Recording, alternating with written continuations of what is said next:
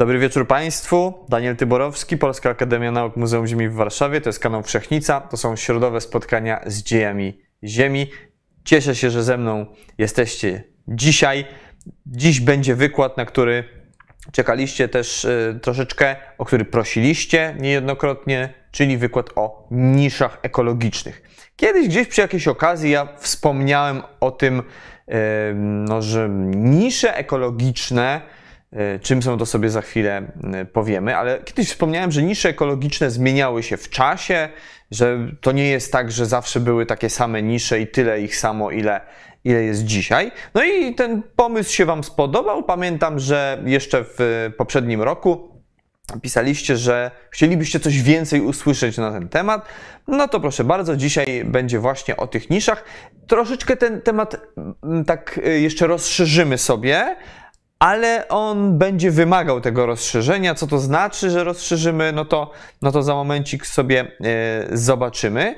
Y, powiem tak, y, nie można rozmawiać o niszach ekologicznych bez omówienia szerzej tego, czym jest ekologia, czy w naszym przypadku paleoekologia. No, paleoekologia to jest ekologia organizmów wymarłych. A czym jest ekologia? Ekologia to jest termin, który sformułował taki znany, wybitny mm, przyrodnik, y, biolog Ernst Haeckel y, jako pierwszy, bo tych y, twórców, że się tak wyrażę, twórców terminu ekologia było wielu, ale właśnie Haeckela uznaje się za tego który jako pierwszy użył w ogóle słowa ekologia w takim naukowym rozumieniu. My często myślimy, kiedy słyszymy ekologia, że coś jest ekologiczne, e, to mamy w głowie troszeczkę co innego niż to, czym ekologia w rzeczywistości jest. Ekologia w takim rozumieniu, mam wrażenie, potocznym, no to są wszelkiej maści te działania związane z ochroną przyrody, z ochroną środowiska. Prawda? W sklepach mamy żywność ekologiczną, e, mówi się, że coś jest eko, coś jest bio, e, no ale tak do końca to z ekologią jako nauką nie ma po prawdzie za wiele wspólnego. Y, czym jest ekologia? Ekologia w takim najszerszym rozumieniu jest to nauka, dziedzina biologii, nauka, która zajmuje się y, prawami rządzącymi światem przyrody, a ściśle jest to nauka, która traktuje o oddziaływaniach, interakcjach, jakie zachodzą między organizmami żywymi, a innymi organizmami oraz między organizmami żywymi a środowiskiem, w którym żyją. Czyli moglibyśmy sobie powiedzieć w uproszczeniu, że ekologia e, traktuje o interakcjach między środowiskiem biotycznym oraz środowiskiem abiotycznym. Y, więc myśmy kiedyś zresztą rozmawiali o interakcjach biotycznych. Cały wykład był y, tym oddziaływaniom poświęcony. Y, no ale ten wstęp, czym w ogóle jest ekologia, tutaj jestem Wam winien wprowadzić. Więc paleoekologia to będzie ekologia tylko organizmów wymarłych. I teraz no taka główna, główny termin, który się tutaj z ekologią kojarzy, to jest ekosystem oczywiście. I ekosystem to tutaj, jak napisałem na tym równaniu, to pewnie gdzieś ze szkoły, nawet z lekcji przyrody yy, kojarzycie, że ekosystem to jest biocenoza plus biotop. No, a biocenoza to jest zespół wszystkich populacji, wszystkich organizmów, które żyją w danym środowisku. Yy, natomiast biotop to jest środowisko życia yy, biocenozy. Czyli biocenoza to jest ta ożywiona część ekosystemu, a biotop to jest ta nieożywiona, abiotyczna część ekosystemu. Czyli biocenoza to są wszystkie zwierzęta, rośliny, mikroorganizmy, grzyby, wszystko to, co żyje. Natomiast biotop to będą skały, powietrze, woda, czy to morska, czy jakaś rzeczna płynąca, e, cała ta materia nieożywiona, skały, e, czy to piasek, czy jakieś skały, nie wiem, wulkaniczne, wszystko to, ten cały setting abiotyczny, w którym organizmy żywe siedzą, żyją. I wszystko to razem ze sobą to jest ekosystem, bo często też mam takie wrażenie, że przez termin ekosystem raczej tak w powszechnym rozumieniu traktuje się tą część żywą. Ekosystem się niekiedy utożsamia, mam wrażenie, przez ludzi z biocenozą, a tak naprawdę ekosystem to jest to, co żywe i to, co no nieżywe, to co abiotyczne, w czym, e, w czym te żywe formy życia funkcjonują. E, I to są te podstawowe pojęcia, które stwierdziłem, że warto będzie tutaj Wam przedstawić. I teraz, zanim przejdziemy do omawiania tego, czym są nisze ekologiczne i jak właśnie się zmieniały w czasie i przestrzeni, no to yy, należy sobie omówić różne czynniki abiotyczne, yy, które właśnie w ekosystemie działają. Bo jak się za chwilę okaże, kiedy przejdziemy do samych nisz ekologicznych, to tam zobaczycie, że to jak my pojmujemy niszę, to czym jest nisza ekologiczna, to będzie zdefiniowane dzięki czynnikom abiotycznym, dzięki czynnikom tym nieożywionym y, y, ze środowiska. Y, prawda? A my niszę kojarzymy ekologiczną no, z tymi formami życia. Że nisza ekologiczna to jest coś związanego z roślinami, zwierzętami. Ale żeby zdefiniować tę niszę, musimy poznać czynniki abiotyczne, nieożywione, w których te dane zwierzęta czy rośliny zajmujące taką niszę funkcjonują. Więc omówmy sobie takie te najważniejsze, e, najczęściej przytaczane mm, e, czynniki abiotyczne. No pierwszy to jest światło. Oczywiście organizmy jak żyją na naszej planecie, no to w dużej mierze są od tego światła uzależnione. Pewnie nie wszystkie, ale większość takich, które my znamy, będzie e, jakoś tam korzystała ze światła słonecznego. E, więc mamy takie środowiska, gdzie tego światła jest bardzo dużo. Na lądach generalnie, o ile pogoda pozwoli, no to mamy światło. Mamy dostęp do światła. W morzach tam gdzie jednak życia jest dużo więcej, z tym światłem jest bardzo różnie. Wyróżnia się coś takiego, co się nazywa strefą fotyczną, i to jest strefa przypowierzchniowa, przy samej powierzchni e, zbiornika, czy to morskiego, czy na przykład jeziornego, e, ta, która się kontaktuje bezpośrednio z powietrzem, z taflą e, wody. Ona może mieć bardzo różną głębokość, to tutaj nie ma takiej ścisłej reguły, ale definiuje się taką strefę fotyczną jako ta strefa, gdzie do 1% mm, penetracji światła fotosyntetycznie czynnego ma miejsce. Yy, bo w strefie fotycznej właśnie mieszczą się na przykład ekosystemy rafowe i te środowiska, które są uzależnione od procesów fotosyntezy. A żeby fotosynteza mogła zajść, no to światło, fotony światła są jak najbardziej tutaj potrzebne. Yy, I to jest taka definicja dla otwartego morza, ale tak jak mówię, tą strefę fotyczną możemy też na przykład w jeziorach wyróżnić, więc mamy taką część w zbiornikach morskich, gdzie no bardzo wszystko jest uzależnione od światła, właśnie to jest ta strefa tuż przy powierzchni. Ale mamy też masę, masę takich miejsc w oceanach, głębiej, poniżej tej strefy fotycznej, gdzie nie ma światła i potem już po prostu no, procesy fotosyntezy nie zachodzą. To jest oczywiście bardzo skomplikowane zjawisko, my nie będziemy dzisiaj w to wchodzili, jak ta fotosynteza tam przebiega, jaki tam dokładnie jest mechanizm taki mm, biochemiczny tego. Natomiast y, pamiętajcie, że no, w oceanie, w zbiornikach też mamy podział na takie strefy, gdzie będzie światło i gdzie tego światła już będzie dużo, dużo mniej. Więc pierwszy czynnik środowiskowy, taki abiotyczny, to jest właśnie nasłonecznienie, czy obecność światła.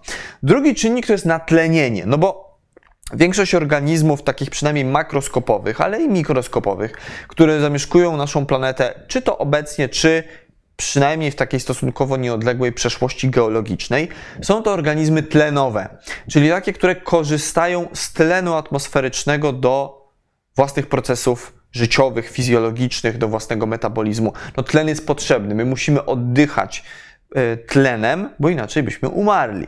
E, I to możemy powiedzieć o w zasadzie no, dużej liczbie zwierząt, e, które zamieszkują naszą planetę, o ile to nie będą jakieś organizmy właśnie beztlenowe, beztlenowe jak niektóre bakterie. Więc obecność tlenu, natlenienie środowiska jest ważnym, jakby nie patrzeć, czynnikiem abiotycznym, który będzie nam o kształcie i różnorodności różnych nisz ekologicznych i ich dostępności w środowisku decydował. Więc wyróżniamy tutaj kilka też takich stref y, zdefiniowanych na podstawie obecności stężenia tlenu. Więc mamy oczywiście jakieś strefy, no całkowicie beztlenowe, e, na to się mówi, że to są strefy anoksyczne. Jak sobie przypomnicie masę naszych wykładów, to ja bardzo często o takich strefach anoksycznych, beztlenowych wspominałem.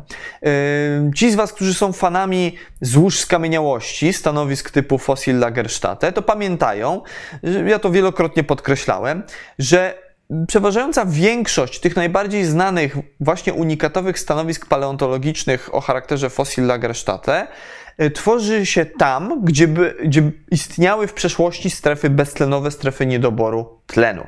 Mamy jakąś lagunę, zbiornik morski i przy dnie jest warstwa beztlenowa. Tam organizmy oczywiście żyć nie mogą, no bo nie ma tlenu, te organizmy tlenowe, ale jak umrą ich yy, truchełka sobie spadną do takiej strefy beztlenowej, to dzięki temu, że nie ma tam tlenu, to padlinożercy nie mogą się do takiej strefy dobrać i nie mogą tego ścierwa zjeść.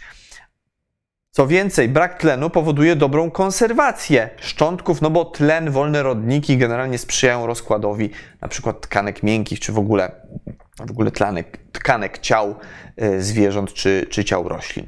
E, więc e, tam, gdzie mm, istniały w przeszłości takie strefy anoksyczne beztlenowe, tam Mamy świetny zapis kopalny życia i wiemy dużo o wymarłych ekosystemach, mimo że tak naprawdę w tych miejscach te organizmy nie żyły często. One y, na skutek jakichś przyczyn były do tych stref transportowane. Więc no to jest taka prosta zasada, że skamieniałości najchętniej i w najlepszym stanie zachowania tworzą się tam, gdzie generalnie organizmy żyć nie mogą. To taki troszeczkę paradoks w paleontologii. No ale wracając do samych stref beztlenowych, tak się je definiuje, że strefę beztlenową mamy wtedy, kiedy stężenie tlenu jest mniejsze niż 1,1 mg e, tlenu na litr wody, bo to jest po prostu granica fizjologiczna dla organizmów tlenowych poniżej takiego stężenia, poniżej tej jednej dziesiątej e, miligrama tlenu na litr wody, no, e, procesy fizjologiczne organizmów tlenowych po prostu ustają. Więc w strefach beztlenowych tego typu formy życia nie mogą funkcjonować. No ale mamy też strefy Y, niedotlenione to, to są strefy hipoksji. Anoksja to są całkowicie beztlenowe, te poniżej 1,1, natomiast hipoksja niedotlenione to są między 1,1 a 2 mg tlenu na litr y, wody. Tam pewne formy życia już mogą żyć w warunkach hipoksycznych, ale to też nie są jakieś super dobre warunki y, do, do tego, żeby tam sobie cały piękny jakiś ekosystem bogaty w formy życia istniał. Są oczywiście takie organizmy, które sobie będą tam radzić, ale nie wszystkie. No i mamy normalne strefy, normalne warunki tlenowe. To są już takie, gdzie mamy stężenie tlenu powyżej 2 mg tlenu na litr wody. No i to są już takie prawdziwie natlenione środowiska. Jak natlenione, no to tam tętni życie. Zapis kopalny też będzie pewnie gorszy w tego typu środowiskach, ale, ale też życie będzie mogło tam funkcjonować. Bardzo bioróżnorodne będą to środowiska.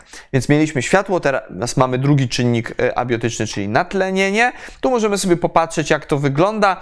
No to jest to, co mówiłem, że generalnie często e, ta denna strefa w różnych zbiornikach będzie właśnie taką strefą beztlenową.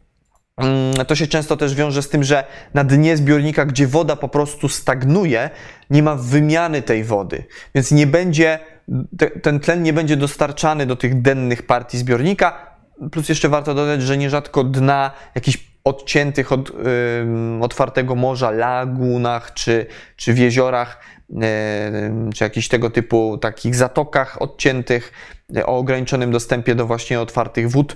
Tam często dno zbiornika e, wyścielone jest matą z bakterii, e, które no same w sobie tlenowymi organizmami nie są i one fizjologicznie na skutek procesów swojego, mm, procesów swojego metabolizmu będą jeszcze tę beztlenowość pogłębiały, bo nie dość, że nie będzie wymiany tlenu z wód z reszty zbiornika, no to jeszcze te sinice czy jakieś inne bakterie będą ten ten, te warunki beztlenowe nam tworzyły. Więc przeważnie, jeżeli mamy do czynienia z y, strefami beztlenowymi, to będą to jakieś denne partie zbiorników, czy to morskich, czy to jeziornych, ale tak jak mówię, nie wszystkich, to nie jest reguła. Y, to muszą być jakieś odcięte strefy, laguny, zatoki morskie. W Bałtyku teraz mamy taką sytuację, że bardzo często dochodzi do tworzenia właśnie takich, y, takich, takich niecek, w dnie, gdzie mm, są strefy beztlenowe. To w Zatoce y, Gdańskiej też mamy z tym problemy i często tam dochodzi do pomoru y, różnych organizmów bentosowych, które sobie dno morza zasiedlają. Więc to są procesy, które jak najbardziej mamy też dzisiaj i no, badacze, biolodzy morza, oceanolodzy, y, nawet tacy, którzy się Bałtykiem zajmują, również z tymi strefami beztlenowymi muszą się borykać. Trzeci mm, parametr, taki czynnik abiotyczny, dobrze nam znany, jeden z tych najgłówniejszych, no to jest temperatura. Yy, I teraz no, temperatura oczywiście jest takim parametrem, który będzie tutaj rzutował na, na to na przykład, czy woda będzie w stanie stałym, czy ciekłym, co oczywiście ma wpływ na procesy biologiczne, procesy fizjologiczne różnych organizmów. Yy, no bo niektóre organizmy po prostu muszą żyć tylko w wodzie ciekłej. Inne z kolei będą miały na przykład swój cykl życiowy o, y, uzależniony od y, procesów zam, zamrażania i rozmarzania lodu więc niektóre będą uzależnione od tego, żeby ta temperatura się wahała. Inne z kolei będą preferowały takie warunki, gdzie temperatura będzie stała. Każdy organizm ma jakąś sw swoją taką tolerancję do określonych warunków temperatury. Temperatura, tak jak mówię, wpływa na fizjologię, na metabolizm organizmów, na rozpuszczalność różnych substancji, gazów na przykład, na rozpuszczalność tlenu. No żeby ten, ten tlen jakoś dla organizmów żyjących w wodzie był przyswajalny, no to musi go odpowiednia ilość też być tam rozpuszczona, więc tu mamy troszeczkę takie sprzężenie e, powiedzmy tego natlenienia właśnie z temperaturą. E, obecność soli, prawda, no żeby zbiornik był słony czy słodki, to jest pewna granica. Tak się przyjmuje, że 35 promili dla e, soli kuchennej NaCl, chlorku sodu, to jest taka stała wartość dla zbiorników morskich. I tu ciekawostka, e, Morze Bałtyckie ma obniżone zasolenie, nie ma takiego typowego zasolenia około 35 promili, więc Morze Bałtyckie tak ściśle rzecz biorąc z takiego powiedzmy no, biogeochemicznego punktu widzenia morzem w prawdziwym tego słowach znaczeniu nie jest ma kontakt z oceanem, więc to nie jest może takie jezioro, ale chemicznie trochę mu jednak do morza e, brakuje. Więc temperatura, zwróćcie uwagę, to jest nie tylko kwestia tego, czy nam będzie ciepło czy zimno, ale też temperatura będzie takim parametrem, który rzutuje na masę innych procesów, na rozpuszczalność tlenu, na rozpuszczalność innych gazów, na e, zachodzenie poszczególnych procesów fizjologicznych i w końcu na E, niekiedy na e, całe cykle życiowe wybranych grup organizmów, które być może czasami będą ten lód potrzebowały, a czasami nie będą go potrzebowały. Więc to jest taki parametr, wydaje mi się, dosyć tutaj ważny i rzutujący na masę, masę rzeczy. Wszystkie są oczywiście ważne, ale, ale temperatura myślę, że tutaj ma swoje szczególne znaczenie. Głębokość, jeżeli mówimy o organizmach morskich, a dzisiaj się głównie na takich będziemy skupiali, czy powiedzmy wodnych, no to oczywiście mamy organizmy głębokowodne i płytkowodne, to, to wiemy, ale też należy pamiętać, że całe niekiedy środowiska, nie tylko zasięg występowania poszczególnych organizmów, ale pewne środowiska związane na przykład z sedymentacją wybranych osadów są mocno uzależnione od głębokości. E, w geologii bardzo popularny jest taki, e, taki parametr, który się nazywa CCD, CCD, to jest to, co tutaj mamy na tym, na tym przekroju przez taki skłon właśnie gdzieś w zbiorniku wodnym zaznaczony. CCD to jest Calcite Compensation Deep, czyli głębokość kompensacji e, no, wszelkiej maści tworów kalcytowych czy węglanowych, e, wszelkiej maści na przykład organizmów, które mają swoje szkielety zbudowane z węglanu wapnia, z węglanów, poniżej tej strefy CCD będą się rozpuszczały. I to widzimy, to na niebiesko zaznaczone, to jest jakaś taka węglanowa platforma, która powyżej tej strefy CCD w zbiorniku, w tych płytszych partiach powstaje, no a poniżej już mamy jakiś, e, mamy total dissolution of carbonate, czyli całkowite rozpuszczenie węglanów. Poniżej tej strefy CCD e, po prostu środowiska węglanowe się nie tworzą, a też jak wiecie z naszych spotkań środowych, wiele organizmów jest od takich płytkowodnych, węglanowych środowisk uzależnionych. Najlepszy zapis kopalny jest właśnie w tego typu węglonowych środowiskach, więc jakby ktoś chciał szukać jakichś unikatowych stanowisk paleontologicznych, gdzie by jeszcze tętniło życie, no to dobrze by było, żeby szukał właśnie na takiej platformie węglonowej, a nie poniżej chociażby tej strefy CCD, gdzie po prostu węglane się tworzyć nie będą. Nie mówię, że tam nie będzie skamieniałości, że w ogóle nie ma tam szansy na tworzenie się jakichś unikatów, ale jest to pewien, no tutaj wskaźnik, który może nam już może nam już e, sugerować, gdzie mamy szukać na przykład takich bardziej płytkowodnych e, organizmów. Więc e, głębokość zbiornika też rzutuje na masę rzeczy, na w ogóle taką piętrową wręcz tutaj piętrowe rozłożenie poszczególnych środowisk, w których z kolei będą żyły różne organizmy i w których będą panowały różnej maści parametry środowiskowe. Mm, no i typ podłoża, to też jest bardzo ważne. Masa organizmów jest po prostu uzależniona od rodzaju podłoża, na jakim bytują. Mogą żyć tylko w danym miejscu i koniec. I tutaj wypisałem dla Was takie przykładowe, yy, przykładowy rozkład, jakby powiązanie grup organizmów, yy, tak pod kątem ekologicznym właśnie. Yy, tu już powoli będziemy zmierzali w stronę tych nisz ekologicznych. Powiązanie tego z typem podłoża, więc na dnach skalistych będziemy mieli masę organizmów osiadłych, no bo czujecie, że jak dno jest zbudowane ze skał, z litej skały, nic tam się nie obsuwa, nie ma jakiegoś e, piachu, no to masa organizmów będzie się chciała przycementować do tego podłoża. Mówimy wręcz o tak zwanych twardych dnach.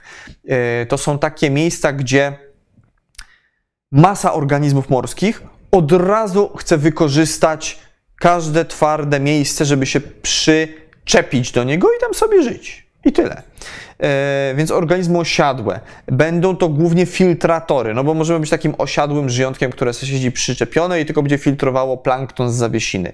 Organizmy drążące, jak najbardziej. Jeżeli chcemy drążyć, no to drążymy w czymś twardym, więc różne organizmy będą wykorzystywały jakieś na przykład, czy to mm, takie przystosowania chemiczne, czy mechaniczne do tego, żeby sobie w takiej skale podrążyć. Zeskrobujące, no bo y, z litego, takiego y, właśnie skalistego podłoża dużo łatwiej się zeskrobuje glony na przykład.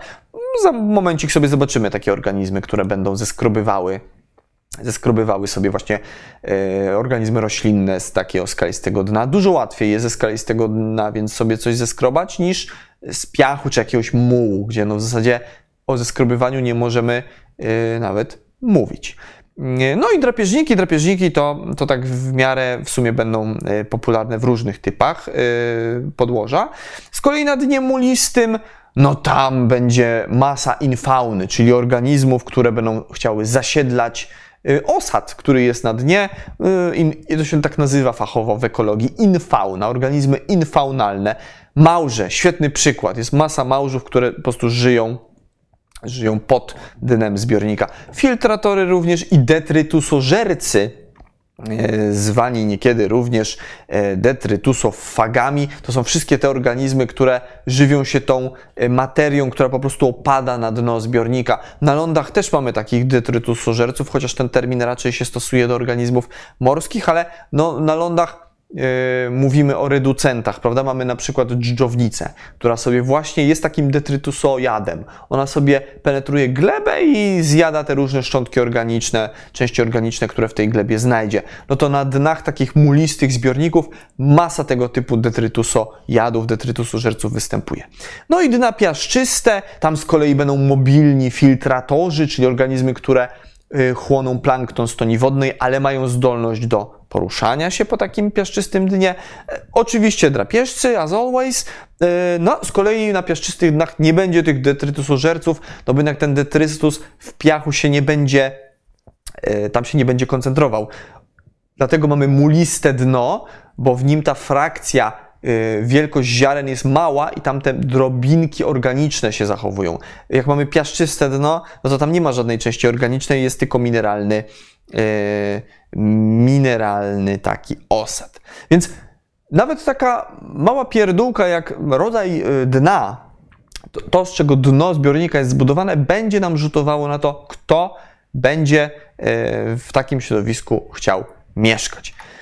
No i ostatni tutaj z czynników abiotycznych, ale równie ważny, yy, aż chciałoby się powiedzieć last but not least, więc nie zapominajmy o nim, to jest energia środowiska.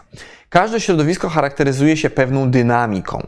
Yy, to na studiach geologicznych bardzo mocno się yy, przykłada do tego uwagę, jak się wszelkiej maści przekroje czy profile geologiczne analizuje, to tam się męczy, ciśnie się studentów, jaka była dynamika środowiska, czy wysoka, czy niska, czy jakaś średnia, jaka dokładnie, czym się charakteryzowała, czy było falowanie na przykład jak na tej e, planszy, czy może był taki jednostajny prąd wody, jakiś ruch wody w jedną stronę, wiecie, jak w rzece. E, czy może nie było e, dużej dynamiki, była e, spokojna, spokojne środowisko i po prostu następowała sedymentacja na zasadzie chemicznej, że drobiny osadu wytrącały się z toni wodnej, jak właśnie na jakiejś takiej platformie węglanowej. Czy może coś jeszcze innego typu? Wiecie, jak jest niska dynamika środowiska, no to na dnie zbiornika mogą się tworzyć na przykład maty glonowe, które będą, jak już sobie powiedzieliśmy, yy, indukowały tworzenie stref beztlenowych a to z kolei będzie sprzyjało zachowywaniu się unikatowych skamieniałości. Teraz, jeżeli będzie środowisko tak, jak mamy na tej planszy, z wysoką dynamiką, jakiś taki skalisty brzeg, gdzie te fale młócą, młócą i mielą, kotły takie wirowe się tworzą, yy, no tam nie będzie y, spokojnej wody, no to nie będzie się mata glonowa na dnie tworzyła, no bo mata glonowa, żeby się wytworzyła w ogóle, no to musi być spokojnie. Jak cały czas będzie falowanie, ruch wody, no to nie ma szans, żeby y, to dno się też ustabilizowało na tyle, żeby tam powstał y, jakiś ten taki biofilm warstewki tych, tych sinic. Więc zobaczcie, jak tutaj z kolei taka, taki prosty przykład, na którym chciałem Wam pokazać, jak od energii środowiska będzie zależało to, czy my miliony lat później znajdziemy w danym miejscu, będziemy mieli szansę znaleźć w danym miejscu jakieś, jakieś unikatowo zachowane skamieniałości. Więc e, omówiliśmy sobie te czynniki i teraz czas przejść już do samych nisz ekologicznych. E, I tutaj ja przygotowałem dla Was taki prosty schemat. Szukałem z różnych, czy to publikacji, czy, czy podręczników, e, takich już typowo podręczników z ekologii, ale nigdzie nie miałem takiego w miarę prostego, więc stwierdziłem, że sam po prostu zrobię dla Was taki bardzo, bardzo już prosty, żeby on nie był na zbyt skomplikowany schemat.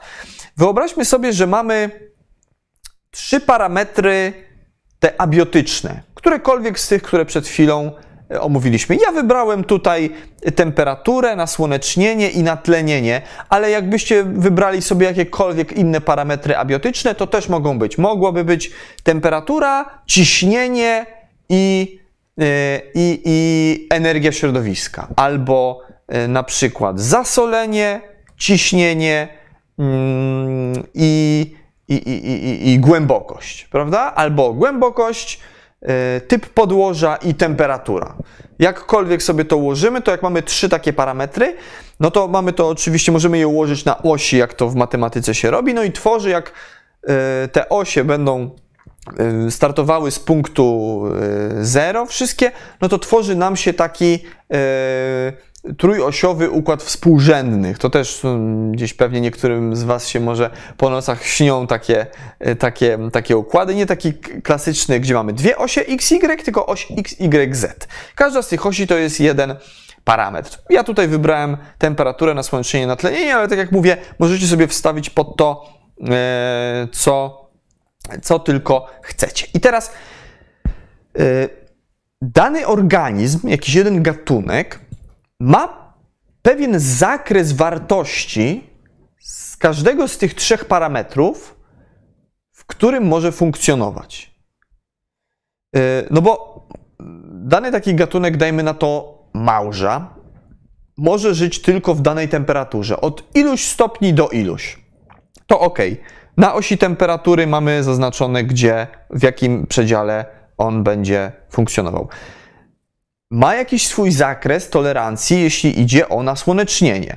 To też będzie to zaznaczone na tej osi z nasłonecznieniem. I będzie miał taki gatunek, już tego przysłowiowego małża powiedzmy, miał swoją tolerancję, jeśli idzie o natlenienie, więc też w pewnej tylko e, w pewnej tylko przedziale wartości będzie mógł funkcjonować. Powyżej będzie dla niego na przykład w przypadku temperatury za gorąco, poniżej będzie za zimno. To samo z natlenieniem. Powyżej będzie za dużo tlenu dla niego, poniżej, będzie się dusił, bo nie będzie tego tlenu i tak dalej, i tak dalej. Mam nadzieję, że czujecie, łapiecie już o co chodzi. Więc jeżeli sobie teraz popatrzymy na takim yy, przestrzennym układzie współrzędnych, jak się te wartości odkładają, yy, to tworzy nam się taki kubik, taka, yy, taki sześcian, sześcian albo no prostopadłościan, yy, taka przestrzeń. I to jest właśnie nisza ekologiczna. E, na to się mówi, że tak ładnie, że to jest nisza ekologiczna teoretyczna albo fundamentalna, bo jak widzicie, no to jest wszystko takie ładne, dokładnie ostre granice ma ta nisza. To oczywiście w przyrodzie tak nie wygląda i tak naprawdę organizmy mają też swoją taką pewnego rodzaju plastyczność e, taką przystosowawczą. Jest jakiś zakres, w którym czują się najlepiej, ale mogą niekiedy wychodzić z niego, więc wiecie, to tak naprawdę ten organizm nie będzie do końca funkcjonował w tej niszy, tylko to gdzieś w środku, w obrębie tej niszy się znajduje ta taka nisza, jak to się mówi, realizowana. To za chwilę też tutaj e, się pojawi taki napis. Więc generalnie wiecie o co chodzi. Żeby zdefiniować w ogóle niszę ekologiczną, to my musimy się posłużyć parametrami abiotycznymi środowiska, w jakim żyje dany organizm. I jak sobie porównamy wartości przedziały dokładnie tych różnych parametrów e, abiotycznych środowiska, jak temperatura, nasłonecznienie, natlenienie i tak dalej, no to tworzy nam się ta nisza. To jest niejako wypadkowa e, zakresu tolerancji wszystkich tych czynników abiotycznych, w jakich dany gatunek organizmu żyć może. E, więc żeby zobaczyć, żeby zdefiniować taką niszę, my się musimy posłużyć tymi czynnikami abiotycznymi, co jasno i dobitnie pokazuje, jak ważne jest, mm, jak ważna jest sama wiedza o środowisku abiotycznym jako takim, o tych parametrach środowiska, żeby móc poznać właściwości samych organizmów. No bo żeby one, żeby coś się o tych zwierzętach dowiedzieć, no to musimy coś wiedzieć o tym środowisku, gdzie one mogą w ogóle żyć, jaki mają zakres tej tolerancji. To jest szczególnie ważne w przypadku paleoekologii, kiedy mamy do dyspozycji profil geologiczny skały.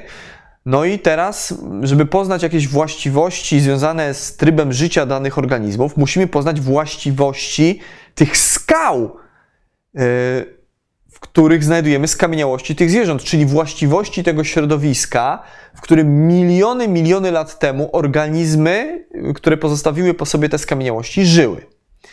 E, to jest niesamowite, ale to fajnie pokazuje, jak właśnie no tutaj, czy to dzisiejsza biologia, czy właśnie paleontologia, paleoekologia e, łączy ze sobą tę wiedzę o e, środowisku tym ożywionym i środowisku nieożywionym. To jest, jak widzicie, wszystko ze sobą ściśle połączone.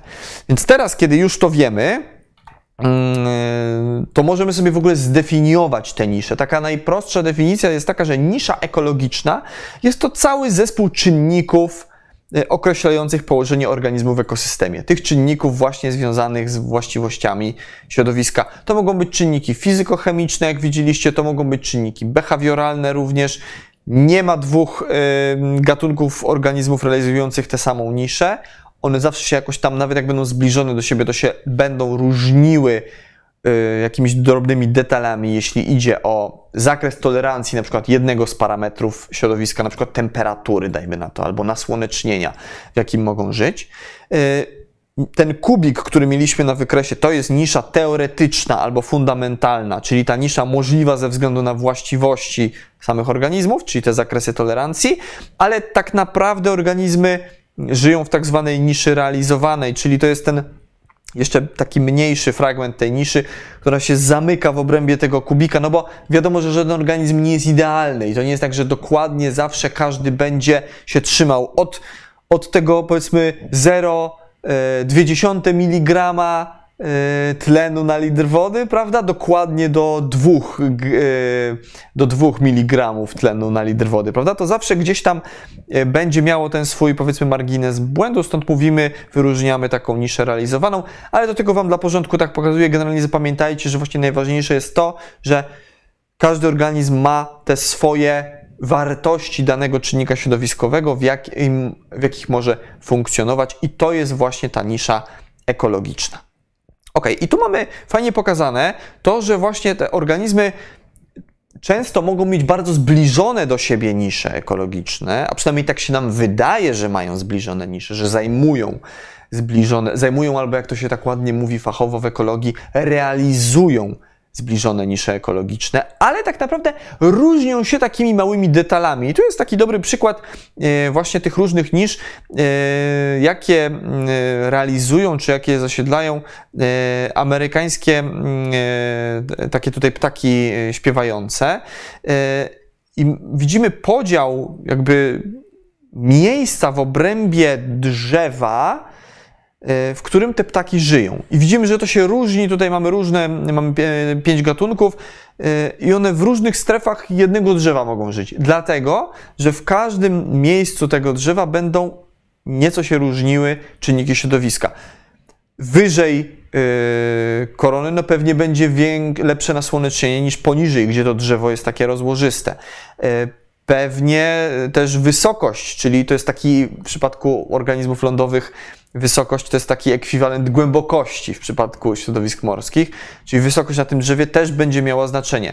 Temperatura też, im bardziej jakby e, w środku tego drzewa, że się tak wyrażę, tym będzie wyższa niż na zewnątrz i tak dalej, i tak dalej, chociaż to też pewnie będzie zależało od e, pory roku.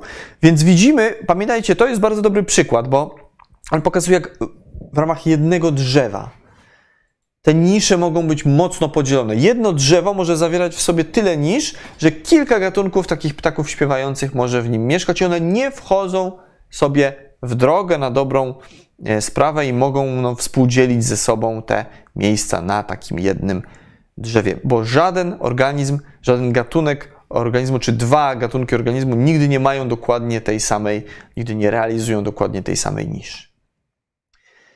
Ok, teraz przejdziemy sobie do tej części właśnie związanej z patrzeniem w skali czasu geologicznego. Jak się zmieniały te nisze? No, e, żeby o tym powiedzieć, trzeba, mm, trzeba jeszcze spojrzeć na to troszkę z takiej większej, dalszej, szerszej perspektywy. E, otóż, e, jeżeli sobie popatrzymy na mm, różne gatunki, które występują w danym środowisku, które będą mm, eksploatowały mm, zasoby e, w ten sposób, że te organizmy będą zbliżone nisze miały do siebie. Tak jak te ptaki na, śpiewające na jednym drzewie różniły się niszami, ale były to ciągle na tyle blisko siebie nisze się znajdujące, że możemy je potraktować jako jedną gildię, bo gildia jest to grupa gatunków eksploatująca te same zasoby, zbliżona niszami. E, czyli możemy powiedzieć na przykład o gildii właśnie ptaków śpiewających, żyjących na danym drzewie. One się będą różniły od siebie zakresem tolerancji różnych czynników środowiskowych, więc będą się różniły nieco niszami ekologicznymi, ale to jest wszystko ciągle na tyle blisko siebie, że to będzie jedna gildia ptaków śpiewających, żyjących na drzewach iglastych na przykład. Możemy mówić o gildii wielkich roślinożerców żyjących na przykład e, w Pleistocenie w rejonie La Brea w Kalifornii. I to jest cała gildia. Wszyscy wielcy roślinożercy. To jest jedna gildia. Mamy tam mamuty, e, mamy, e, mamy, mamy bizony, mamy wielbłądy, mamy jakieś ssaki takie, wiecie, kopytne konie, Każde z nich mają inną niszę, no bo ciężko tutaj stwierdzić, że mamut i koń to jest ta sama nisza ekologiczna. No to wszyscy czujemy, że to jest jednak co innego, ale na tyle to jest zbliżone, to są w gruncie rzeczy roślinożercy, że mówimy o jednej gildii roślinożerców. Tak samo z drapieżnikami. Mamy tam, mieliśmy w Labrea wielkie koty szablozębne, jak smilodony. Pamiętacie z wykładu o kotach smilodon fatalis. E, mieliśmy wilki straszne, mieliśmy wielkie ptaki drapieżne, no to ciężko powiedzieć, żeby e, jakiś ptak drapieżny i smilodon to była jedna nisza ekologiczna. Ale wszystko generalnie to jest gildia drapieżników. I teraz nad gildiami stoją, czyli mamy nisze, jakby mamy różne czynniki środowiskowe, które się składają na nisze. Ni grupa nisz e, blisko siebie się znajdujących, eksploatująca podobne zasoby, to jest gildia. I teraz nad gildiami są mega gildie. I, i mega gildia to są różne gildie o szeregu wspólnych strategii adaptacyjnych. Na przykład sposobie odżywiania, na przykład filtratory, prawda? Wszystkie organizmy e, żywiące się planktonem w ogóle to jest mega gildia planktonożercy. Ale planktonożercą może być płetwal błękitny, który jest wielkim waleniem nektonowym kręgowcem. I filtratorem może być e, równie dobrze gąbka, która sobie gdzieś żyje, maleńka gąbeczka wielkości centymetra, która gdzieś sobie żyje na dnie morza i również e, odcedza substancje odżywcze stoni wodnej. Z punktu widzenia ekologicznego to jest wszystko jedna mega gildia, no ale ciężko powiedzieć, żeby to, to była jedna nisza ekologiczna, prawda? Więc patrzymy na to z takiej dużej, dużej perspektywy, to mamy te mega gildie. Jeżeli mamy jakąś e, grupę gildii, która razem w czasie będzie z czasem wykształcała podobne adaptacje, podobne przystosowania e, w jakimś aspekcie, na przykład sposobie zdobywania pożywienia albo e, strategii rozrodczej, to wtedy mówimy o mega gildiach. No i jak e, sobie popatrzymy na to w skali czasu geologicznego właśnie, no to dojdziemy do takiego wniosku, że no bo mamy czas geologiczny, więc mamy ten element ewolucyjny na to nałożony. I teraz większość różnych publikacji, jak gdzieś słyszycie mm, z jakichś doniesień prasowych czy skądś, o jakichś gdzieś odkryciach, że coś związane z ewolucją, jakiś nowy gatunek, tu, tamto. Zwykle jest tak, że właśnie patrzy się na procesy ewolucyjne z punktu widzenia taksonomicznego, czyli jeden gatunek przechodzi w drugi, mamy jakąś linię ewolucyjną, tworzy nam się drzewko ewolucyjne, o tym też kiedyś sobie rozmawialiśmy. Ale jak sobie popatrzymy z tego punktu widzenia ekologicznego czy paleoekologicznego, to okazuje się, że tu też pewne trendy i procesy ewolucyjne widzimy. Yy, no i należy sobie teraz odpowiedzieć na pytanie. Skoro mamy te mega gildie, czyli całe grupy gildii, które wykształcają podobne adaptacje, to teraz jak zmieniały się te adaptacje ekologiczne w czasie geologicznym przez miliony lat? I czy nisze zajmowane przez poszczególne grupy organizmów są te same czy inne? Czyli czy kiedyś jakieś organizmy, które dziś zajmują daną niszę, kiedyś też zajmowały taką niszę? I się to zmieniło w czasie, czy może jest to stałe i niezmienne? Ci z Was, którzy mnie dłużej oglądają, to przynajmniej na to drugie pytanie znają odpowiedź, ale teraz Wam pokażę, że no mamy twarde papiery, twarde badania na to. A dokładnie pierwszym, który takie podwaliny pod to wprowadził, był Richard Bambach, E, e, który był, znaczy chyba jest, bo zdaje się, że pan Bambach ciągle żyje, e, który jest paleontologiem i biologiem morza i właśnie zajmuje się mm, takimi różnymi tutaj ciekawymi przystosowaniami, adaptacjami ekologicznymi i tym, jak one się zmieniały w czasie, jak to przez miliony lat wyglądało. On próbował już tak ściśle naukowo odpowiedzieć na to pytanie. No i wpadł właśnie na koncepcję E, takich e, mega gildii mm, ekologicznych e, i stwierdził, że można stworzyć, można jakby podzielić w ogóle wszystkie mega gildie, jakie kiedykolwiek istniały, jakie dziś istnieją, czyli te duże grupy gildii, na trzy kategorie. Pierwsza kategoria to są mega gildie, wzglę uporządkowane względem właśnie uporządkowania organizmów w toni wodnej, bo Bambach to, ten podział sformułował dla organizmów morskich i tego się będziemy trzymać. Więc pierwsza kategoria megagildii to jest uporządkowanie tych megagildii względem yy, układu organizmów w toni wodnej. No i to jest taki klasyczny klasyczny właśnie obrazek, gdzie mamy taki y, diagram, przekrój przez y, zbiornik. No i widzimy, że rzeczywiście różne organizmy żyją w różnych strefach tego zbiornika. Więc mamy mega gildie organizmów pelagicznych. Pelagiczne to takie, które żyją cały czas w toni wodnej, w ogóle nie mają kontaktu z podłożem. No to kto będzie organizmami pelagicznymi? Będą wieloryby, delfiny, y, masa ryb, rekiny, nie wszystkie oczywiście, ale, ale no tak przeważnie jak kojarzymy powiedzmy rekiny, no to kojarzymy go właśnie z organizmem pelagicznym. Z przeszłości geologicznej to jakieś mogą być gady morskie, ichtiozaury, e, plezjozaury, tego typu formy życia. Z paleozoiku również ryby pancerne i tak dalej. E, mogą to być amonity, belemnity, wszelkiej maści tego typu organizmy, czy to kręgowce, czy bezkręgowce, które pływają w toni wodnej. Więc wszystkie organizmy pelagiczne to jest mega gildia.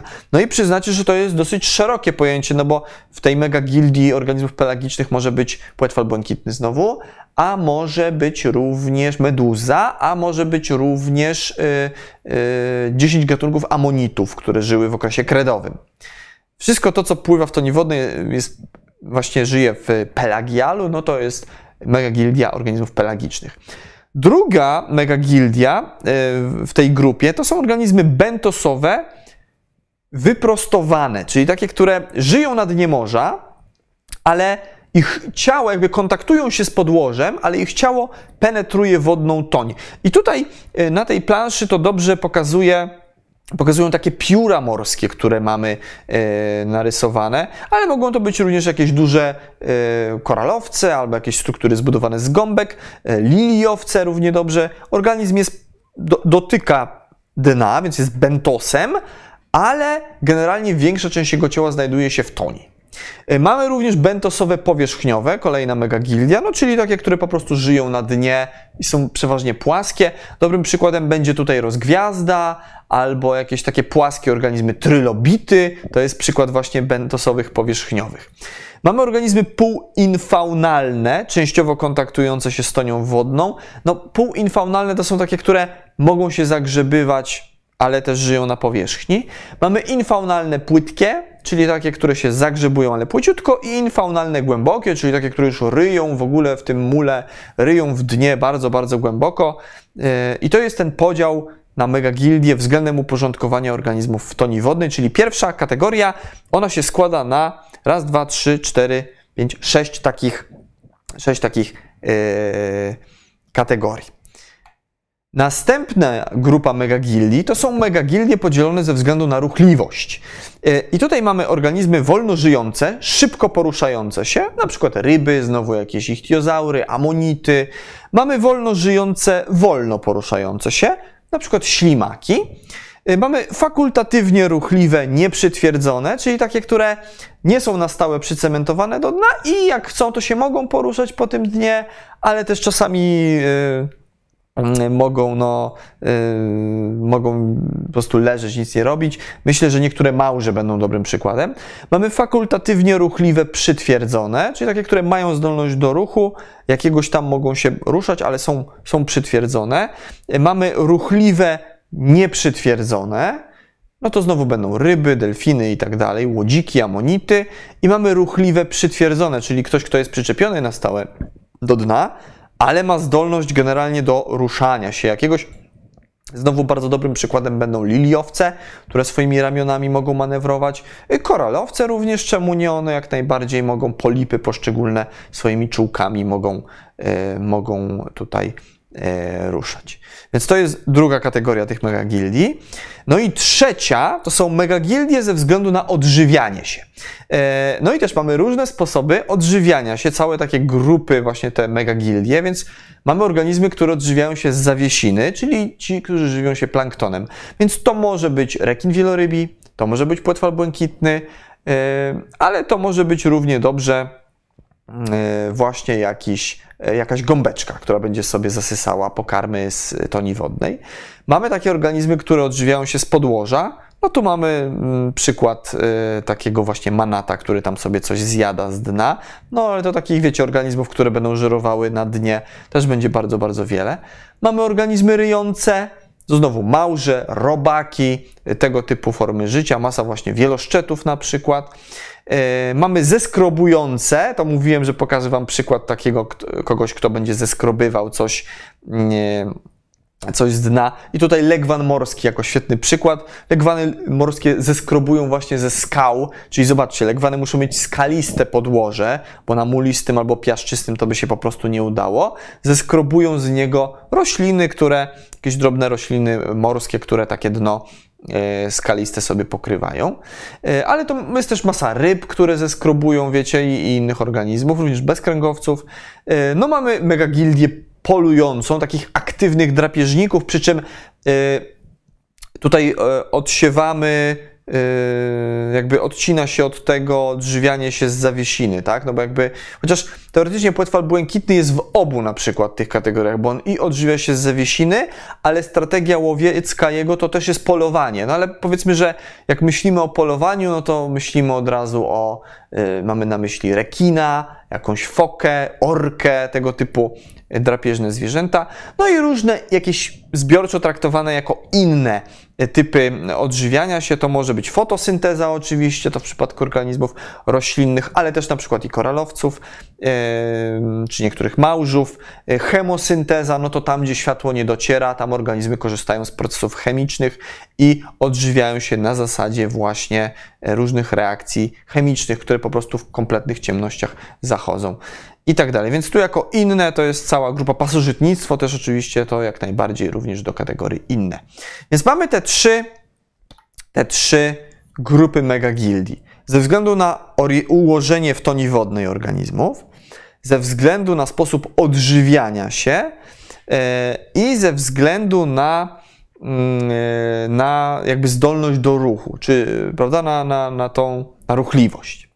I teraz jak sobie znowu weźmiemy te trzy grupy megagildii i zrobimy to samo, co wcześniej zrobiliśmy z tymi czynnikami środowiskowymi, jak powstał nam ten kubik, którym była nisza ekologiczna, e, i zestawimy te trzy parametry megagildii w ten sam sposób prostopadle względem siebie wzdłuż osi x, y, z, to znów otrzymujemy taką przestrzeń, taki kubik, e, czy, czy, czy taki, no, no, no, taki, taki właśnie prostopadłościan, E, który jest podzielony na takie mniejsze kubiki. I teraz tutaj mamy trzy takie sześciany przedstawione e, w trzech kolumnach, więc e, no skup, skupmy się na przykład na jednej, na tej najbardziej z prawej strony. Tam mamy zaznaczone, że ta oś, nazwijmy to sobie x, to jest ten podział ze względu na odżywianie. Oś y to jest ułożenie w toni wodnej i oś Z to jest ta ruchliwość.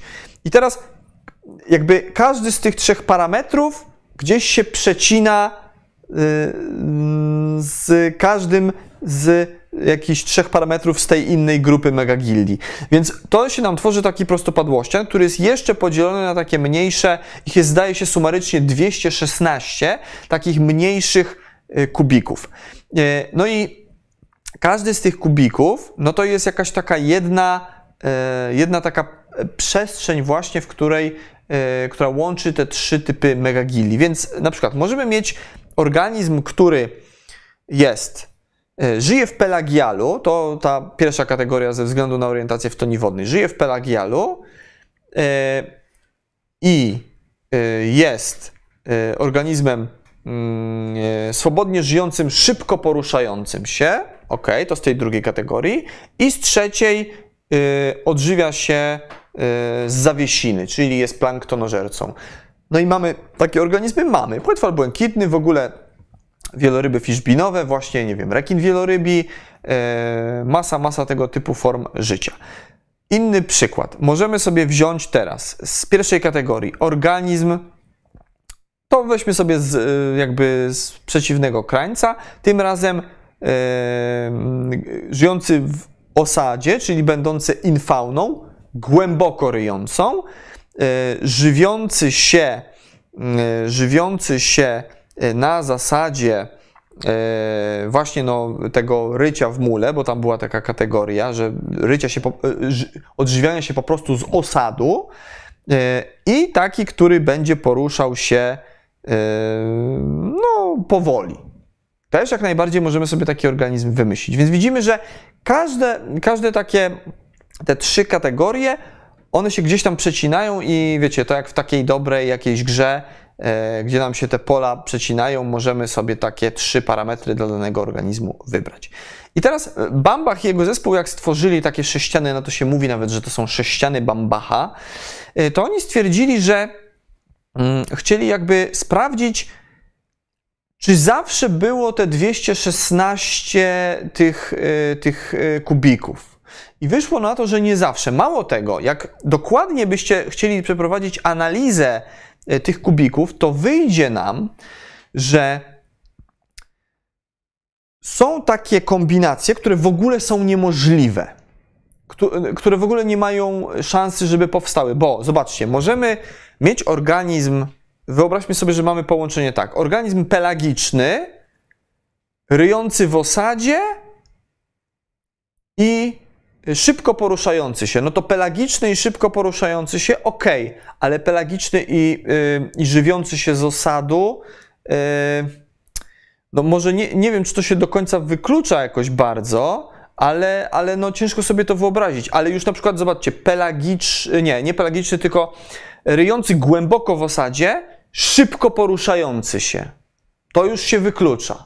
Nie możemy sobie tego wyobrazić, bo jeżeli coś głęboko będzie ryło, no to ten osad nastawiał będzie opór danemu organizmowi, więc taka kombinacja już jest niemożliwa. Więc mimo tego, że sumarycznie wychodzi 216 kombinacji, spora część z nich jest w ogóle niemożliwa do realizacji. Ale, yy, czyli sumarycznie tych możliwych, które mo mogą faktycznie być e, wykorzystane, jest 92 megagildie, 92 kombinacje. Sumarycznie wychodzi 216, ale 92 możliwe. I teraz, co ciekawe, nie zawsze tak było. Dzisiaj jest 92 kombinacje. Dzisiaj. W czwartorzędzie w Holocenie.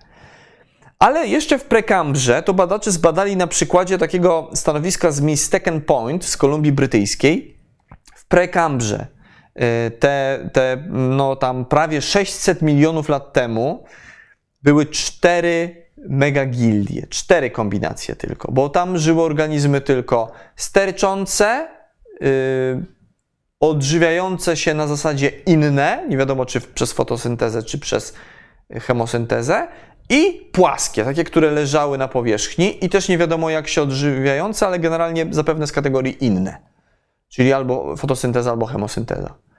No nie wymyślimy tutaj wielu kombinacji, więc tam były cztery, sumarycznie cztery y, kombinacje się udało wymyślić. W całym prekambrze to było 12 sumarycznie kombinacji, a dzisiaj są 92, czyli z czasem zaczęły powstawać nowe kombinacje, bo w prekambrze po prostu nie były pewne kombinacje możliwe.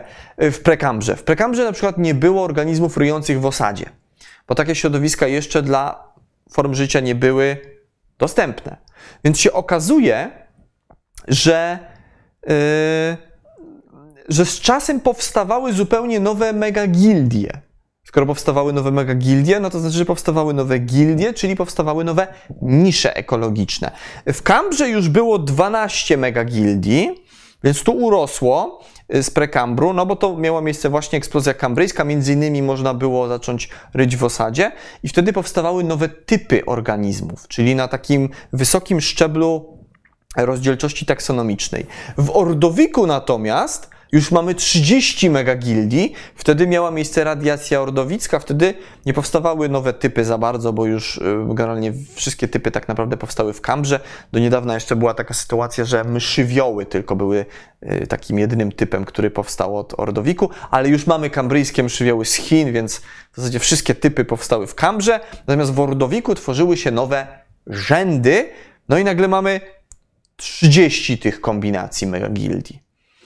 E, więc jeszcze bardziej to urosło. No i jak sobie zobaczymy to na takim schemacie e, z nałożonym czasem geologicznym, no to widzimy, w prekambrze mamy rzeczywiście dwie opcje. Sterczymy sobie gdzieś, albo leżymy na dnie morza, bo to sumarycznie wyjdzie, e, tak jak powiedziałem, 12 tych kombinacji. W kambrze nagle mamy eksplozję kambryjską, tak zwaną rewolucję agronomiczną, tu powstają drapieżniki z jednej strony, z drugiej strony możemy ryć w osadzie. Nagle nam się zwiększa liczba tych tych kombinacji do 19, no i do 30 w Ordowiku, gdzie już w ogóle jest e, szał ciał i tam powstają nowe rzędy, te organizmy się bardzo, bardzo mocno różnicują.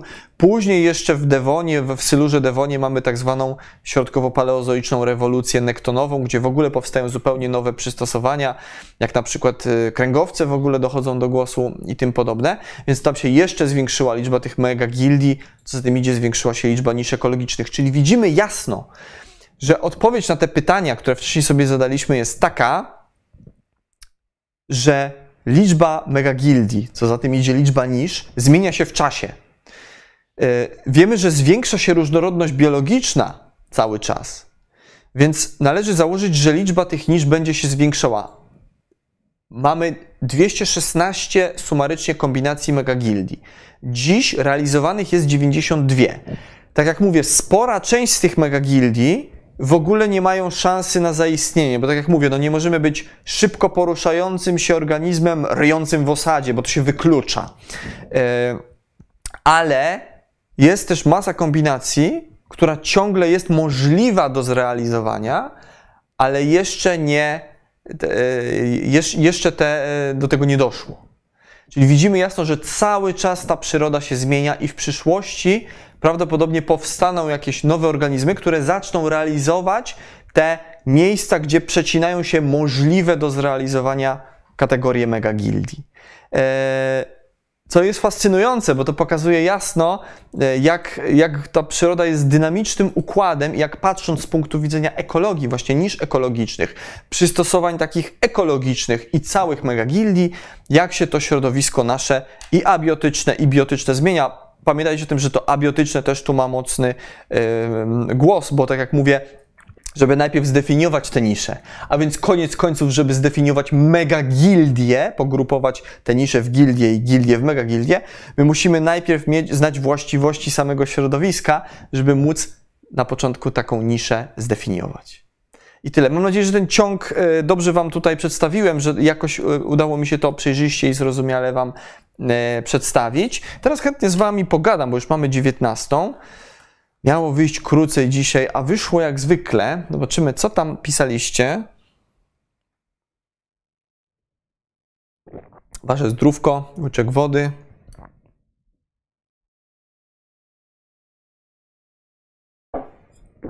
Siemanko, jestem tu nowy, cieszę się niezmiernie, że trafiłem na ten kanał. Cieszymy się, Mateuszu, Mateuszu, że do nas dołączyłeś. Pozdrawiamy Mateusza. Mam nadzieję, że Mateusz zasili nasze tutaj szeregi na środowych spotkaniach, na żywo i nie tylko na żywo.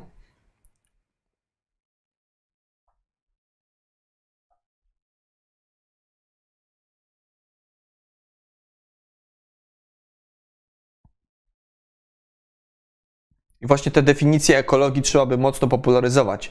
Co innego zielony aktywizm, a co innego ekologia, Mateusz napisał. E, tak, no rzeczywiście mm, to jest, myślę, bardzo trudne do przeforsowania, bo to ciągle pokutuje taka wizja, że ekologia no to jest jakaś tam dziedzina, nie wiem, o ochronie przyrody czy czymś. E, no a tak nie jest. To właśnie ten zielony, właśnie ekoaktywizm a ekologia to jest zupełnie co innego. Nie wiem jak was, ale mnie też drażni, jak w telewizji widzę, nie wiem, ludzi, którzy gdzieś tam się, wiecie, e, chronią Puszczę Białowieską, czy przywiązują się do drzew, czy coś i są nazywani przez dziennikarzy e, ekologami. No być może ktoś tam z nich robił, nie wiem, doktorat z ekologii, e, czy, czy, czy pisał pracę magisterską z tej dziedziny, ale to, że ktoś broni gdzieś jakiegoś jeziorka czy, czy lasu, to nie czyni go od razu ekologiem. To jest właśnie ekoaktywista, ewentualnie ochroniarz y, przyrody, y, a nie ekolog. Ekologia no to jest ściśle taka dziedzina biologii bardzo, bardzo ważna.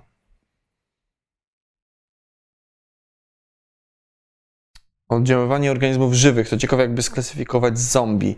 Ciernisty 8.1. Zombie to są organizmy, które pień mózgu mają aktywny, więc to są żywe trupy. Znaczy w, w The Walking Dead tak było, że tam pień mózgu jest tylko aktywna.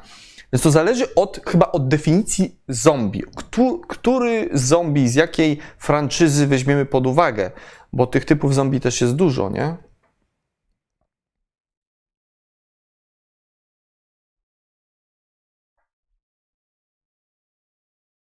Czyli Frankenstein też ma swoją niszę ekologiczną. No to po, problem taki jak z zombie, no.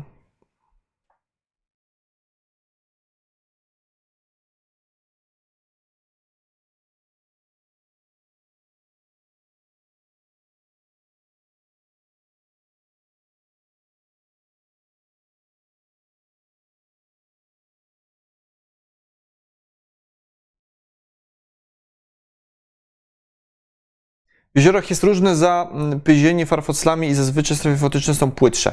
Gonzogorów. Tak, zgadza się, no bo jakby dostępność światła no, zależy od tego, jaka jest przejrzystość wody, więc wiadomo, że jak jest w wodzie będzie dużo roślinności albo duża zawartość mułu, y, osad, osad się po prostu, wiecie, będzie no bardzo mulisty y, zbiornik, co trzeba przyznać, że faktycznie w jeziorach, przynajmniej takich tutaj w naszej części świata, to są i takie jeziora, wiecie, gdzie wody są bardzo przejrzyste, ale u nas faktycznie, więc te strefa będą takie jak tu padło, za, za, zapyziane farfoclami, no to tam rzeczywiście ta strefa fotyczna będzie dużo, dużo płytsza, ale kiedy mówimy o jakimś płytkim zbiorniku morskim u wybrzeży Australii, no to tam oczywiście ta strefa będzie sięgała głębiej. Ona maksymalnie zdaje się, że chyba do, do 200-300 metrów może sięgać w zbiornikach morskich. Tak mi się wydaje. W jeziornych oczywiście płytszej.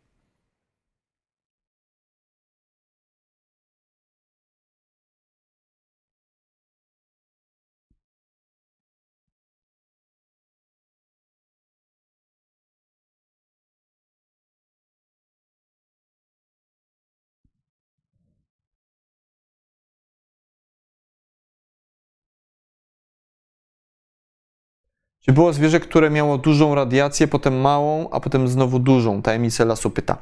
Ja bym powiedział tak, to radiacje nie polegają na tym, że dotyczą jakiegoś jednego zwierzęcia, e, czy jednego gatunku, prawda? Radiacja to jest taki proces długoskalowy, w którym powstają jakieś zupełnie nowe, właśnie na tym polega radiacja, prawda? Różnicują się, powstają nowe E, formy życia, nowe gatunki. Tak jak w ordowiku mamy radiację ordowicką, tam wręcz powstawały te nowe rzędy. Jak nowe rzędy, to wiadomo też, że nowe, e, nowe gatunki się tworzą. E, więc to nie jest tak, że później następna radiacja będzie się tyczyła tych samych gatunków. Właśnie z definicji radiacja jest powstawaniem tych nowych. Więc radiacja nie polega na tym, że jeden gatunek tutaj, nie wiem, rozszerza swój zasięg występowania. To jest jednak co innego.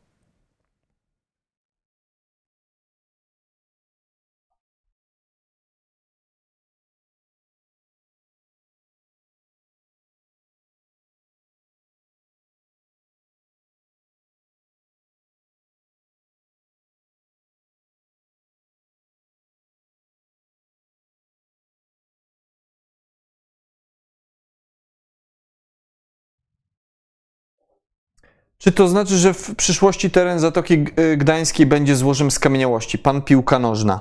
Mm. Są na to szanse. Znaczy, z tego co wiem, te strefy beztlenowe, które się tam tworzą, to nie jest jakaś jedna, wiecie, laguna, gdzie, gdzie taka strefa się tworzy, tylko są pewne takie doły, obszary obniżone w zatoce, gdzie dochodzi do powstawania stref beztlenowych. I takie pojedyncze miejsca, gdzie będzie dochodziło do mm, warunków beztlenowych i pomoru y, bentosu, czy jakichś w ogóle mm, organizmów. Mm, w perspektywie da, jakby dalszej przyszłości geologicznej mają szansę, żeby się takim złożem stać, pod warunkiem, że jeszcze oczywiście no tutaj zostanie to przykryte nowymi osadami i będzie w ogóle miało szansę przejść do zapisu kopalnego. Ale jeżeli tak, to myślę, że w Bałtyku są dobre miejsca na to. Bałtyk y, zaczyna iść w tę stronę. Morze Czarne. Morzu Czarnym też powstają y, takie strefy beztlenowe, które wiem, że bardzo przypominają y, te dzisiejsze, bardzo przypominają warunki takie beztlenowe, jakie tworzyły się w Skandynawii, w Kambrze, gdzie piękne skamieniałości trylobitów się w Norwegii czy w Szwecji znajduje. Właśnie w tego typu takich beztlenowych zbiornikach, więc jak w Morzu Czarnym są podobne warunki, to myślę, że Bałtyk też ma szansę, żeby się takim złożem czy złożami w przyszłości stać.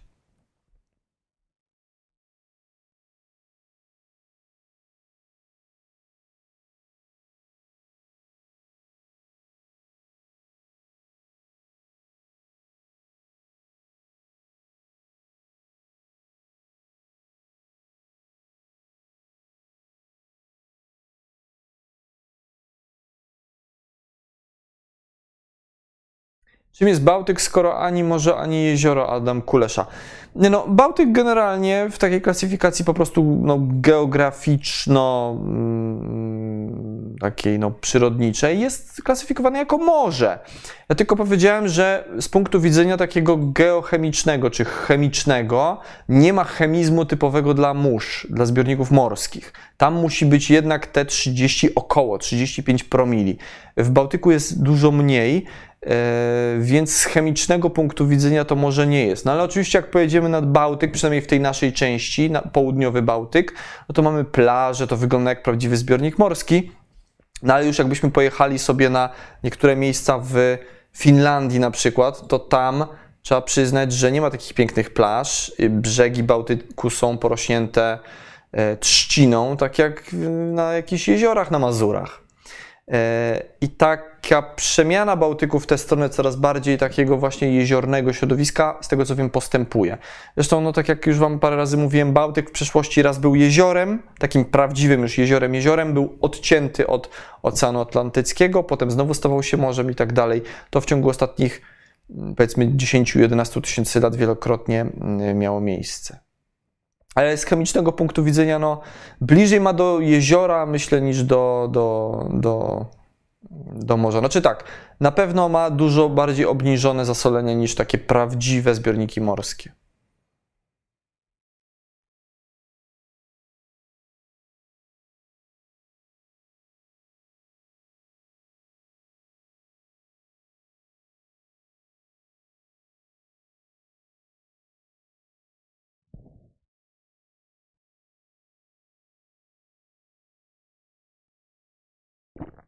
Pomysł na wykład. Co było po wymieraniu kredowym? Jak życie zaczęło się odradzać? Tak. Tak, no wiecie, obiecaliśmy wam wykład w ogóle jeszcze o wymieraniu kredowym z Nasiłowa nagrany, więc jak dobrze pójdzie, to jak wiosna już będzie taka ładna, yy, z prawdziwego zdarzenia wiosna, to bo się nic nie zmieniło, prawda? Zamierzamy tam jechać, Krzysiu, co nie? Tak, Krzysiu kiwa, więc może się doczekacie, nie wiem, w maju będzie piękna pogoda, to pojedziemy i będzie o wymieraniu kredowym z Nasiłowa.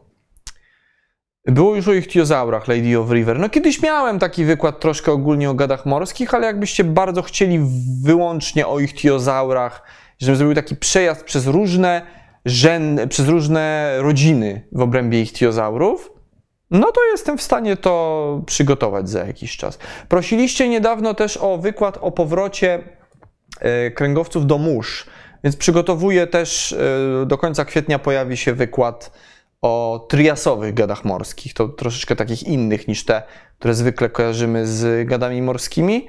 No ale myślę, że to będzie też ciekawe. Ale jak chcecie cało o ichtiozaurach, no to nie ma problemu, też da się zrobić.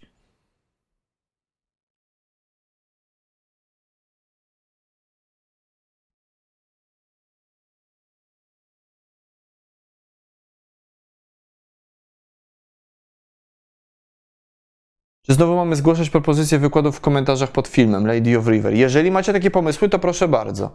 Śmiało piszcie.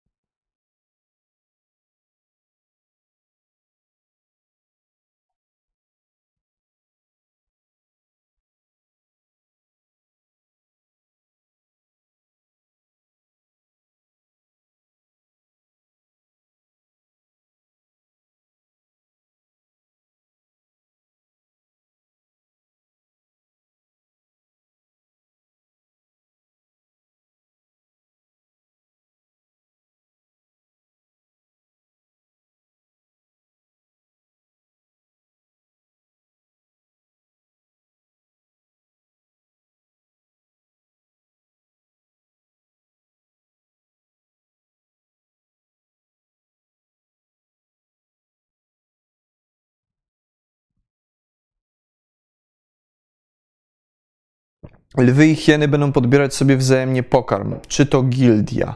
Dronowe loty. Tak, ogólnie to by była gildia drapieżników, no bo hieny też są, mimo tego, że się spadlinożernymi zwierzętami kojarzą, to są też drapieżnikami, więc jak najbardziej jest to gildia.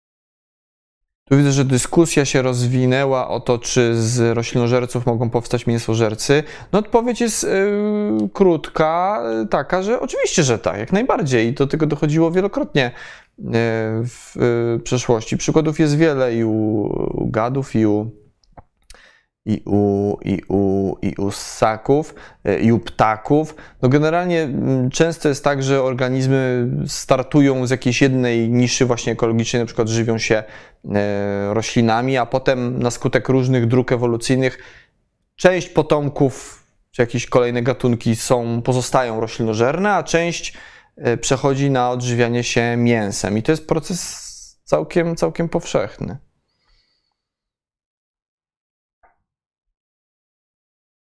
W drugą stronę zresztą bardzo podobnie. Też z ro- mięsożerców na roślinożerców też się zdarzają takie przykłady. Przychodzą mi do głowy teraz takie krokodyle mezozoiczne, które były roślinożerne, mimo że krokodyle generalnie z drapieżnikami kojarzymy.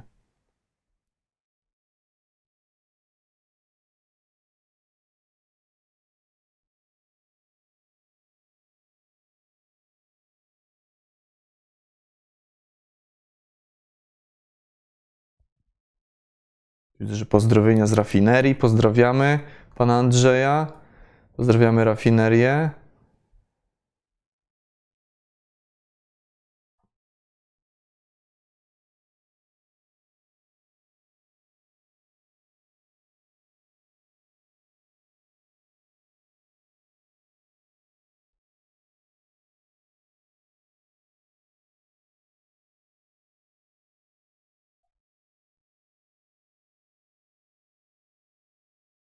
A co z organizmami, które mają kilka stadiów rozwojowych?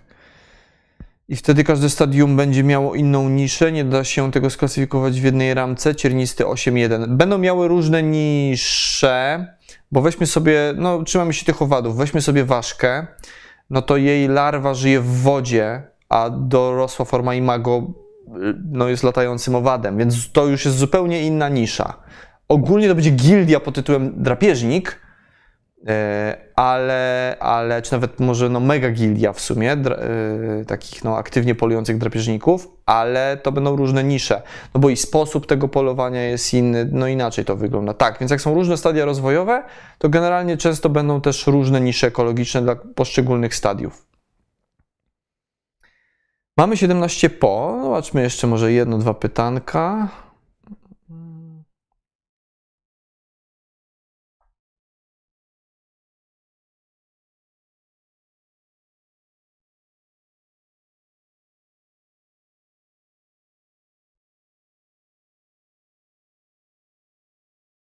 Czy naukowcy mają problem z określeniem, na jakiej głębokości żyły jakieś wymarłe zwierzęta? Marcin Krzyżyński. Nie.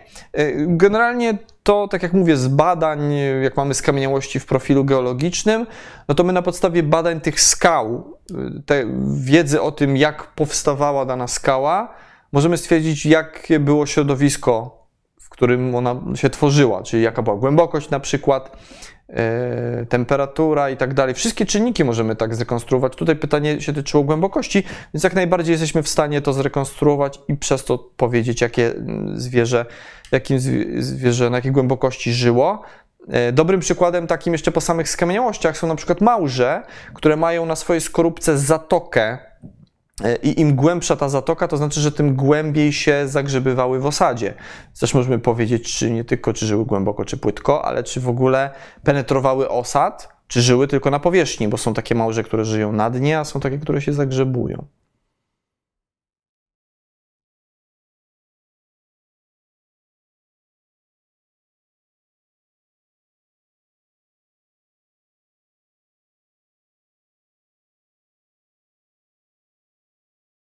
Znaczy w paleontologii mamy przykład tworzenia przez organizmy nisz, środowiska, dla stworzenia lub poprawy środowiska życia, tak jak na przykład tamy bobra, Grzegorz Skiba.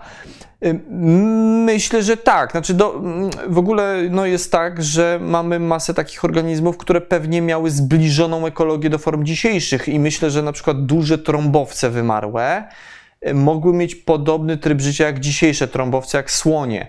A wiemy, że słonie są takimi organizmami, które modelują środowisko wokół siebie. Więc myślę, że bardzo podobnie kopalne trąbowce mogły funkcjonować i kto wie, czy na przykład inne duże zwierzęta, na przykład zauropody też podobnie, więc y, to jest ta słynna zasada aktualizmu. Patrzymy na dzisiejsze organizmy i ich tryb życia odnosimy do trybu życia zwierząt wymarłych, niekoniecznie blisko spokrewnionych, ale takich, które żyły właśnie zajmując podobną niszę ekologiczną, no to możemy tę zasadę zastosować. Więc myślę, że tutaj spokojnie masa była takich, które, które modelowały środowisko wokół siebie. Dobrze, mamy już prawie 20 po, więc będziemy kończyli. Dziękuję Wam pięknie, moi drodzy, y, za obecność. Wszyscy, którzy dotrwali do tego momentu, niech piszą dzieje Ziemi. Niech się dzieją dzieje Ziemi, jak to często piszecie w komentarzach. Piszcie na czacie, piszcie w komentarzach pod filmem, ci, którzy oglądają nas z puszki. Widzimy się za tydzień. W przyszłym tygodniu wykład będzie o skamieniałościach przewodnich. Zrobimy sobie taki przejazd przez wszystkie grupy tych najważniejszych skamieniałości, które wykorzystuje się do datowania skał. W jakich przedziałach czasowych, jakie grupy były ważne, gdzie się je stosuje, o tym będzie za tydzień. Dziękuję Wam pięknie. Ja się nazywam Daniel Tyborowski. To były środowe spotkania z dziejami Ziemi paleontologiczne. Pozdrowienia. Cześć.